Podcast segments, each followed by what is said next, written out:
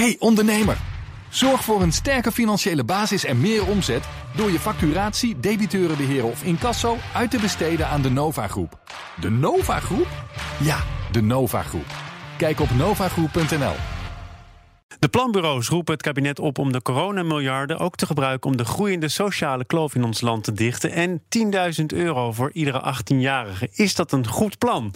Dat en meer bespreek ik in het economenpanel. Daarin zit Roelof Salomon, hoogleraar aan de Rijksuniversiteit Groningen en strategisch adviseur bij Mercer. En Hans Tegeman, Chief Investment Strategy bij Triodos. Welkom heren, fijn dat jullie er zijn. Goedemiddag. Ondanks die tweede golf. En bij een tweede golf hoort misschien ook een ander economisch herstel. Er zijn al wat eh, letters geopperd de afgelopen maanden. En toen las ik de column van Hans Tegeman. Een X-vormig herstel. Ja, ik dacht, we hebben nog niet alle letters gehad. Dus laten we die X er eh, ook in gooien. Nee, die. die ja, misschien is het. We doen dadelijk wel de K. Die, X, daarmee bedoel ik eigenlijk. Ehm, dat het goed zou zijn, maar daar komen we dadelijk denk ik ook nog op met wat die planbureaus zeiden, om het te hebben over transities. Uh, ook kijken wat je eruit wil gooien, kijken wat je wil behouden en kijken wat je wil versnellen. En dan uh, heb je de hele transitieliteratuur. Uh, en dan heb je een soort X-curve over transities. En uh, daarmee, in die column bedoel ik inderdaad precies dat. Van laten we daar ook eens naar kijken. Hoe je niet alleen maar kan behouden en redden wat er te redden valt. Hè, waar we nu lekker in de tweede golf ook weer mee bezig gaan. Maar verder vooruit kijken. Wat voor economie wil je hebben? En misschien wat, wat, ja, wat verdwijnt er dan? Dus jij vermoedt eigenlijk dat die planbureaus ook jouw column hebben gelezen? Ik ga er zeker van uit, ja. Ja, Roelof, jij niet, want jij begreep die X nog helemaal niet. Nou ja, kijk, ik, begin van het jaar hebben we allemaal het alfabetspel gedaan. Uh, en uiteindelijk dacht ik bij de K, waar Hans het ook al aan ging, daar gaat het uiteindelijk gaat het erover. Uh, we zitten in economenpanel, dus dan mag je ook gewoon schaamteloos de Economist, geloof ik, uh, quoten. Die had dit weekend ook een heel stuk daarover. En eigenlijk waren er drie punten die naar boven kwamen. Dat het herstel zal minder geglobaliseerd zijn, meer gedigitaliseerd en meer ongelijk. En ja, welke vorm dat dan is, dat weet ik ook niet. Maar ik denk uiteindelijk dat, dat de wereld straks er een stuk anders uit zal zien dan de wereld waar we uitkwamen.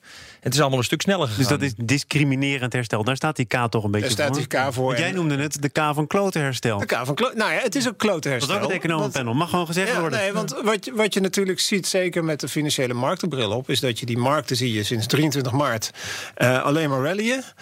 Terwijl de reële economie door het afvoerputje gaat. En, en, zeker als je met een beetje duurzaamheidsbril kijkt naar de duurzame ontwikkelingsdoelen, daar zijn de eerste rapporten van. Nou, het gaat nog nog veel langer duren voordat we daar in de buurt komen. En dat is wel ongelijkheid. En daarna, die, die, die, die ongelijkheid zit ook nog tussen verschillende asset classes. Daar kan je ook nog een verhaal over houden. Waar de equity market zie je natuurlijk wel heel snel gaan en andere markten minder snel. Dus die K is een hele makkelijke letter. Maar ik ga toch voor de X hoor. Maar jij vindt dat die reële economie de afgelopen jaren niet zo heeft gesukkeld? Roelof, want ja, die, sorry, die reële, economie heeft juist heel erg gesukkeld. Het is uiteindelijk is het geld wat we de afgelopen jaren tegen de economie aangegooid hebben, is eigenlijk nooit heel veel verder gekomen dan de financiële markt. Uh, dus het is eigenlijk de financiële markt heb je wel inflatie. In de reële economie heb je nul inflatie. En dat is eigenlijk sinds maart is dat nog eens een keer versneld. Um, een technologische revolutie die was normaal gesproken iets van vier jaar zou duren, dat heb je nu in vier maanden gehad. Dus al die bedrijven hebben de groei naar voren gehaald, gedreven door gratis geld.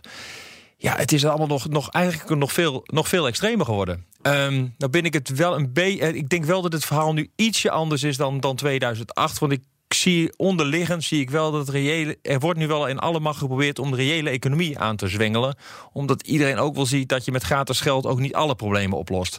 Dus in die zin word ik wel iets positiever over de reële economie. Maar er zijn volgens mij ook mensen die zeggen dat als je kijkt naar die steunpakketten, vooral de oude economie in stand gehouden wordt. Terwijl dan komen we toch denk ik op het onderwerp van de planbureaus en ook van jou, Hans. Dit een moment zou kunnen zijn om dat niet te doen. Ja, dat lijkt mij wel. En, en dat is misschien ook het bruggetje naar. Hè, ik ben het helemaal met Roelof eens. Er is een groot verschil in ook hoe we kijken, uh, aankijken tegen overheidsbeleid. Hè. Niet meteen op de rem. Toch wat meer investeren. En dan zegt iedereen van ja, maar dat is goed voor. voor uh, dat moeten we doen, want dat is goed voor toekomstige generaties. Nou, ik denk dat het alleen maar goed is voor toekomstige generaties. als we dat op zo'n manier doen. dat toekomstige generaties er ook wat aan hebben. En dat perspectief wordt nog wel eens vergeten. Want ja, uiteindelijk moet die schuld worden terugbetaald. En dat wil je alleen maar op zo'n manier. Dat kan alleen maar als het productief is. En productief kan dus ook zijn maatschappelijk productiviteit. Het kan ook in onderwijs en allemaal dat soort dingen zijn. Uh, en dat wordt vaak vergeten. En het, het, het lijkt maar wie wordt dat vergeten? Want er worden allemaal door, door beleid, bijvoorbeeld. nou, door laten we, Nederland is een mooi voorbeeld in deze. omdat we daar toevallig wonen. Uh, waar de Duitsers 100, van de 130 miljard een kwart.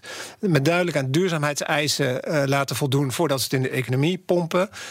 Gaan wij zelfs KLM met maar heel weinig voorwaarden daaraan uh, geld geven. En je, je, Leningen toch? Uh, het was een lening. We weten al dat hij niet terugkomt. En het gaat nu al wel over de, de, de equity kant daarvan. Um, dus het maakt nogal ook in Nederland uit. En dat is de oproep ook van die planbureaus. Als je nu heel veel geld in de economie stopt, denk er dan aan. Uh, aan de sociale problemen, aan de, de uitdagingen op het gebied van klimaat, op het gebied van duurzaamheid. Probeer die te combineren. En nu is het moment om daaraan te denken. En dat is ook, zo bedoel ik het net, ook de enige manier om ervoor te zorgen dat toekomstige generaties ook wat aan dat geld wat je nu in die economie stopt hebben. Heb jij het idee dat het ook. Uh te eenzijdig wordt bekeken, dat andere belangrijke factoren worden vergeten door beleidsmakers, beleidsbepalers? Nou, ik zie wel een draai, maar ik ben het met Hans eens. De draai mag wat mij betreft ook wel wat sneller. Uh, uiteindelijk is dit het moment om, om investeringen te doen. Dus niet, geen, geen overheidsconsumptie, maar overheidsinvesteringen. Ik denk dat de, de, het punt is. Uh, dit is een fijnproever, wat is precies het verschil? Nou, de overheid moet sowieso het is dat het een is 10.000 euro geven aan iedereen. Het andere is 10.000 euro investeren... zodat we op lange termijn hogere productiviteit voor de hele economie hebben. Dat, dat hele bedrijf kan de prullenbak in, want we hebben nu alles al gehad. Ja, nee, maar dat, dat, is het grote verschil. Uiteindelijk wil je, wil je nu investeringen doen... Die, die je zorgen dat je als economie als Nederlandse economie op lange termijn op een hoger groeipad komt. Want dat is de makkelijkste manier om uit je schulden te groeien. Nou, dat betekent dus uh, zorgen dat je kansenongelijkheid aanpakt. Zorgen dat mensen die de afgelopen zes maanden minder makkelijk toegang hadden tot onderwijs, dat die wel toegang hebben tot onderwijs. Uh, investeringen in infrastructuur, alles wat er op lange termijn gericht is om het groei op een hoger niveau te brengen. Dit zijn allemaal zaken die ik ook de afgelopen maanden van welke willekeurige politicus gehoord heb. Nou, dit zijn ook de dingen die de afgelopen jaren hier in het economenpanel ook heel vaak gehoord hebben, waar nog niet zo heel veel mee gedaan is. Nee, ja. Nou, wordt dat nu dan gedaan? Want dat, dat groeifonds is een voorbeeld daarvan, bijvoorbeeld. Ja, met een hele beperkte agenda. Uh, nee, kijk, wat, wat je nu ziet, zeker ook, uh, ook rondom Prinsdag en ook met het derde steunpakket, is dat je kleine stapjes ziet, hè, die, die gemaakt. Wat ik vorige week in het Financieel Dagblad ook nog probeerde te zeggen in een stuk was van ja, probeer twee dingen te doen. Zet niet bedrijven centraal, maar mensen en ga niet de, de economie behouden, maar denk aan transities. Op die twee manieren kan je voor dynamiek zorgen als je niet bedrijven centraal zet, maar de mensen. Dus niet bedrijven probeert overeind te houden, maar mensen probeert te helpen. Dan zorg je er in ieder geval voor dat bedrijven die met schuld overladen zijn en geen toekomst hebben, dat je er niet kosten wat het kost in stand houdt. Maar je moet mensen perspectief geven. En de consequentie daarvan zou kunnen zijn dat een bedrijf als KLM het niet redt. De consequenties daarvan, en dat is dan het slechte nieuws, zeker voor een politicus die richting verkiezingstijd gaat, dat betekent dat je de markt ook nu zijn gang laat gaan. En dat betekent ook dat bepaalde, dat je dynamiek versnelt. En dat het dus ook kan betekenen ja, dat, dat je niet alles overeind kan houden. Om er een cijfer op te plakken, uh, ik, van de, als je naar de grootste economie in Europa kijkt, dan wordt nu 5% van de banen wordt feitelijk impliciet overeind gehouden door geld van de overheid. Nou ja, de vraag is: is dat tijdelijk? Of zijn dat banen die bij bedrijven zitten, waarbij uiteindelijk wat er nu af, afgelopen maanden gebeurd is, dat die banen waarschijnlijk voor die bedrijven niet meer bestaan over een aantal jaar? Nou, een paar maanden geleden waren er collega's van jullie die zeiden dat kun je nu nog niet bepalen. Maar nee. kun je op dit moment dan wat meer al bepalen? Nou, ik denk wel dat je als je de markt zijn gang zou. Uiteindelijk moet de overheid een terugtrekkende beweging maken. en de markt zijn gang zijn werk weer laten doen. En ik denk dat de markt beter in staat is om een inschatting te maken van welke bedrijven, welke sectoren het in de toekomst goed zullen blijven doen. dan dat je dat aan een, een politicus of een centrale bankier wil overlaten. En die stap moet je op een gegeven moment een keer maken. En die maakt men in Amerika eerder dan dat we hem in Europa maken.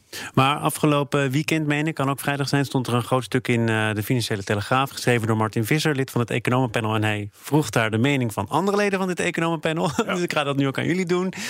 Die zeiden: we hebben vooral baat bij perspectief. En als je dat bijvoorbeeld plakt op volgend jaar zomer, dan zul je tot de conclusie komen dat dit niet het nieuwe normaal is.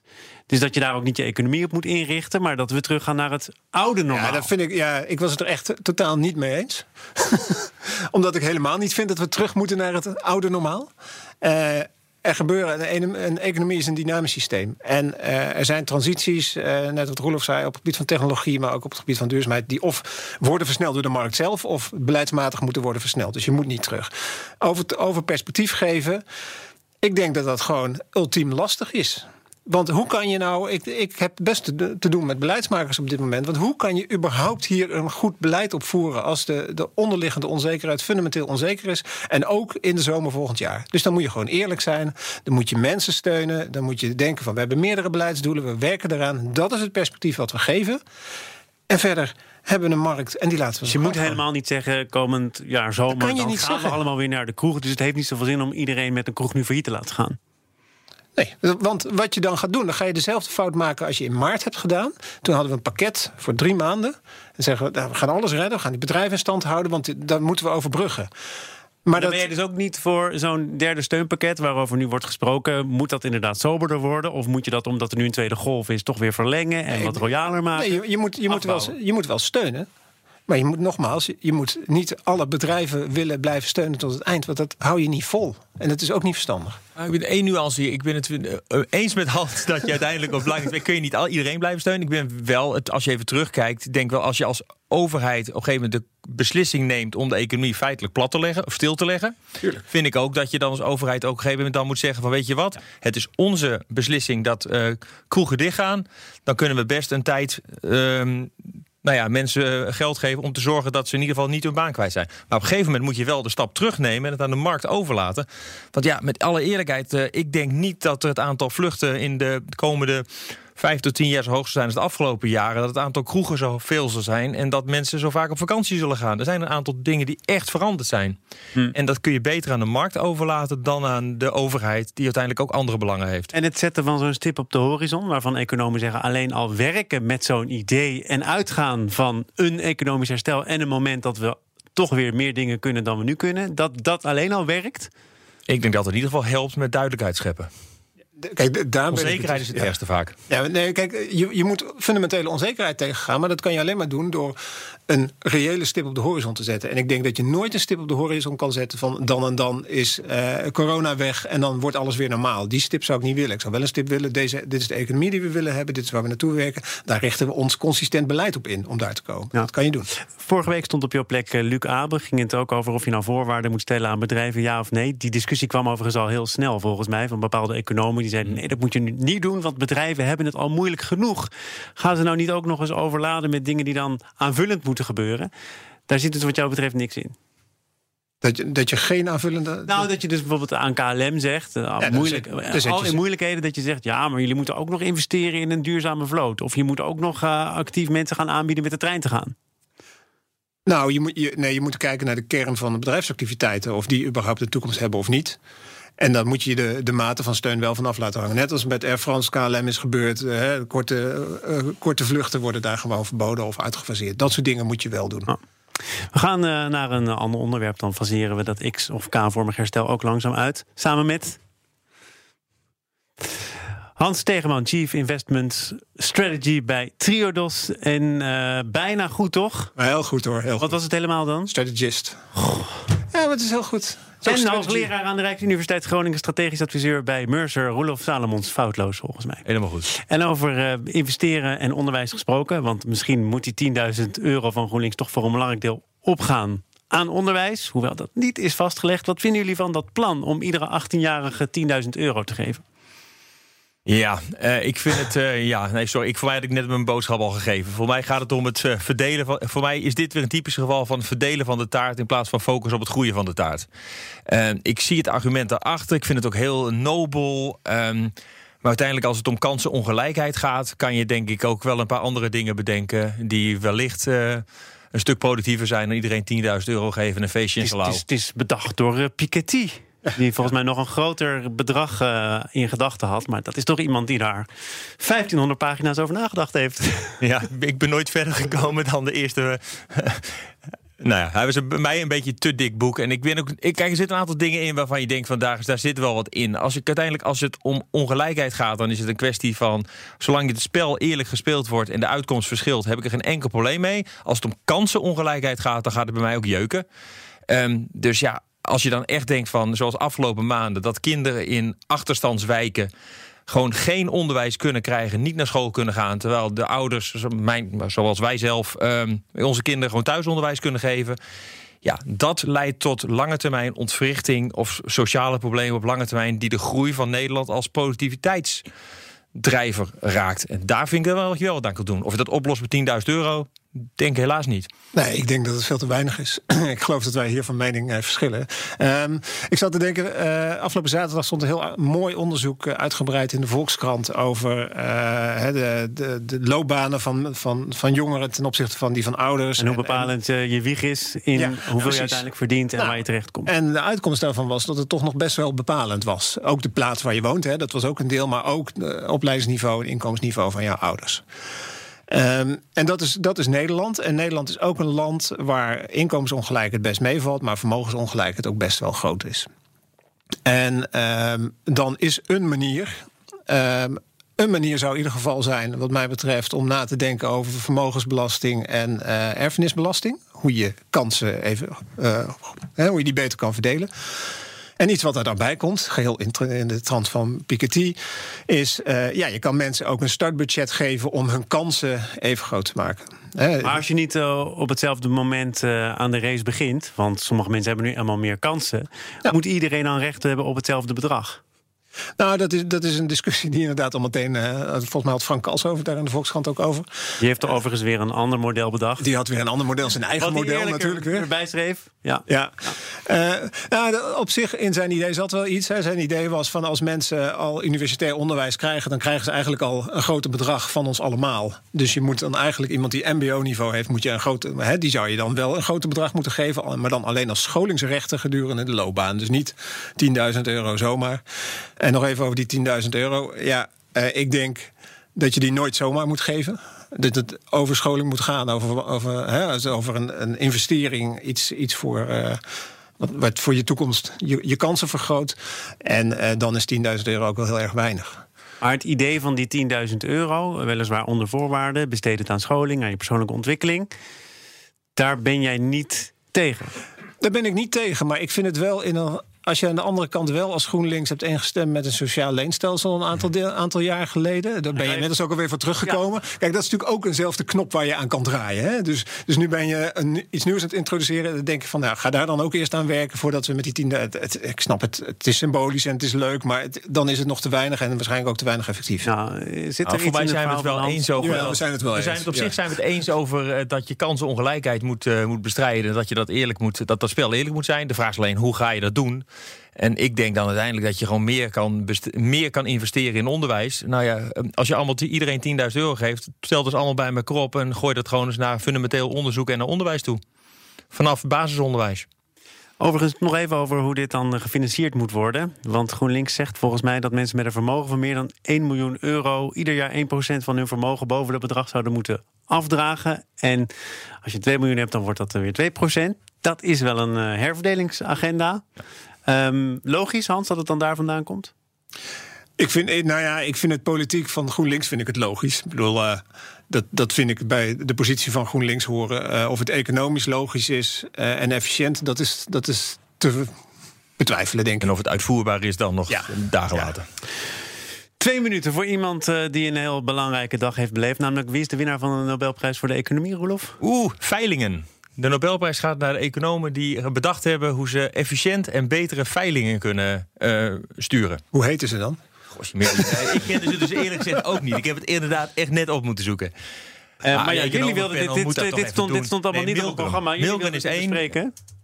Uh, ik zoek ze even voor je op. Maar um, snap nee, ik denk dat, voor, de lezer, voor, de, voor de luisteraar is het denk ik leuk om even één punt uh, te benoemen. Je hebt de Engelse veilingen en de Nederlandse veilingen. De Engelse veilingen beginnen uiteindelijk onderop en de prijs wordt steeds hoger. En de Nederlandse veiling, dat is de, automa de veiling die we allemaal kennen van de groente- en fruitveilingen, beginnen bovenaan. En afhankelijk van wel, wat product je zou willen veilen, hoeveel informatie beide partijen over dat product hebben, kan je dus bedenken welke veiling het beste is. Daar hebben ze nog wel bij En dat hebben deze mensen, Paul Milgren en Robert Wilson, wie kent ze niet? Ja, inderdaad. Bedacht. En daar krijgen ze nu een prijs voor. Uh, Hans, wist jij ook, ja, vandaag komt die prijs. Ik moet mijn telefoon in de gaten houden.